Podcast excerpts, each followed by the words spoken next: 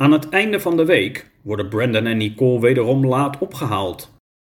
Oroka ziet dat Melissa moe is en nodigt de drie uit om te blijven slapen.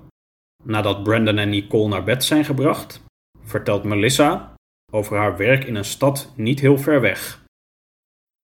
Hoofdstuk 41 Awesome City Oroka zat buiten met een laptop aan de grote ontbijttafel. Ik lees hier dat Jackson de hoofdstad is van Mississippi. Is Awesome City groter dan Jackson? Een stuk groter, antwoordde Melissa, die heerlijk had geslapen en die ontspannen zat te ontbijten, alsof ze al dagen in een kuuroord verbleef. Ze pelde een gekookt eitje en nam een slok thee uit een met kleurige bloemen beschilderde mok. Ik geloof dat Awesome City de derde, of misschien zelfs wel de tweede grootste stad van het land is. Het is een relatief jonge stad, die de laatste decennia enorm is gegroeid. Saul Goodman, onze burgemeester, roept in interviews regelmatig dat de skyline van Awesome City zo snel groeit dat New York binnenkort niet meer zal zijn dan een onbeduidend vlekje in onze schaduw.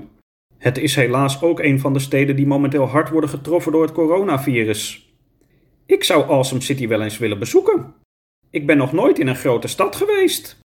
Onder normale omstandigheden had ik je graag een dagje of een paar dagen meegenomen. Maar nu heeft dat weinig zin. Zo ongeveer alles is dicht en de meeste straten zijn uitgestorven. Dat maakt mij niet zoveel uit. De stad zelf is toch niet opeens verdwenen? Ik ga graag een dagje met je mee. Dat gaat niet. Ik moet morgen de hele dag werken en zondag ook. Dat snap ik. Maar kan ik morgen niet met je meerijden? En dan, wat ga je dan doen? Je kan niet mee het ziekenhuis in. Dat hoeft ook niet. Ik ga door de stad wandelen en rondkijken. Als het allemaal niet uitkomt, rijd ik er zelf wel een keertje heen.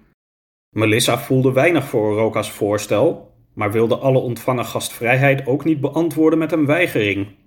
Uiteindelijk werd besloten dat zij en de kinderen nog een nachtje in het landhuis zouden blijven en dat Oroka de volgende ochtend mee zou rijden naar Awesome City, waar hij dan een dag zelf zijn gang zou gaan.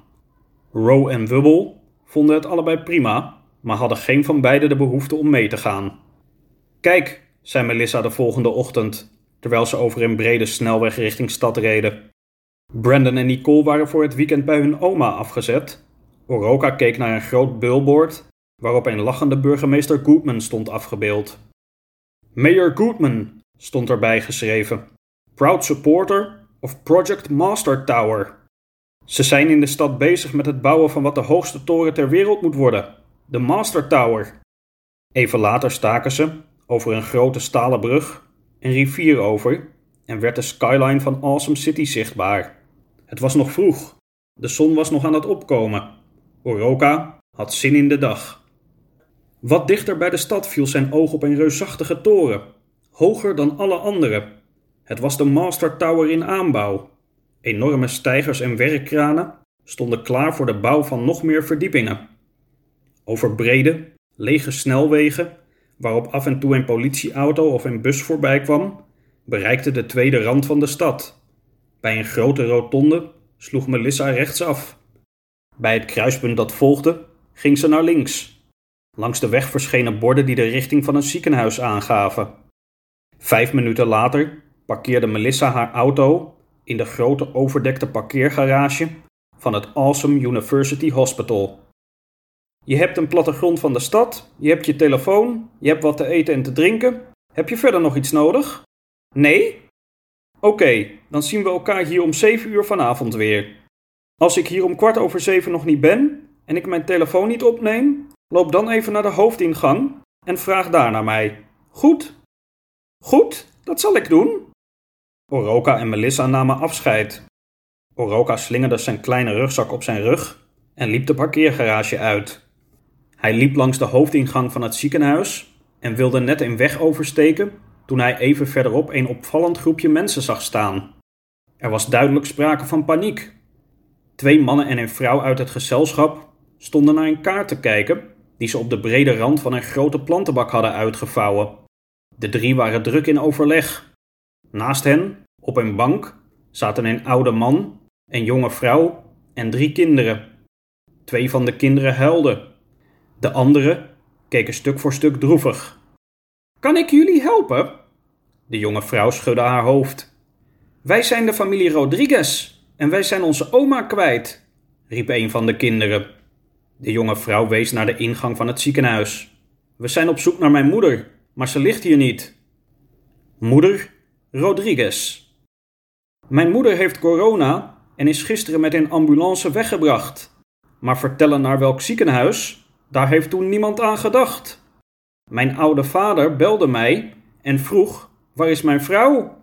Ik antwoordde: Geen idee, pap. Wacht even, ik kom gauw.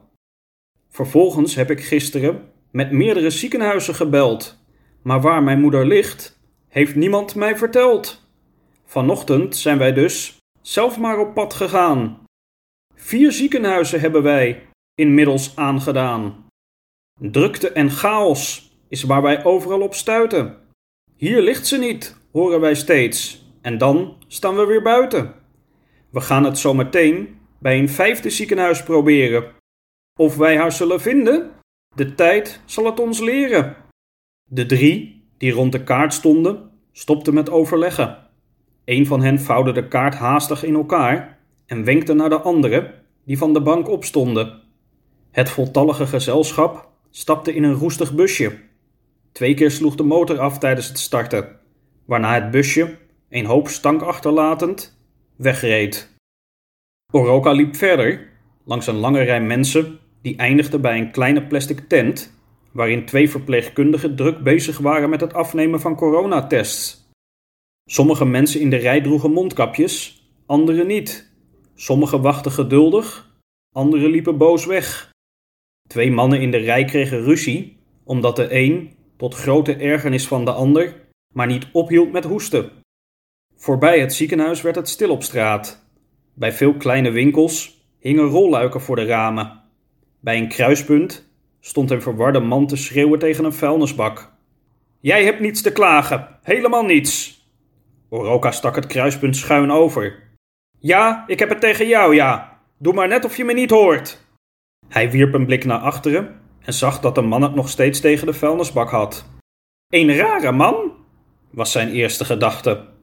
Maar op de hoek van een volgende straat bleef hij toch een minuut of vijf bij een vuilnisbak staan, op zoek naar een teken van leven.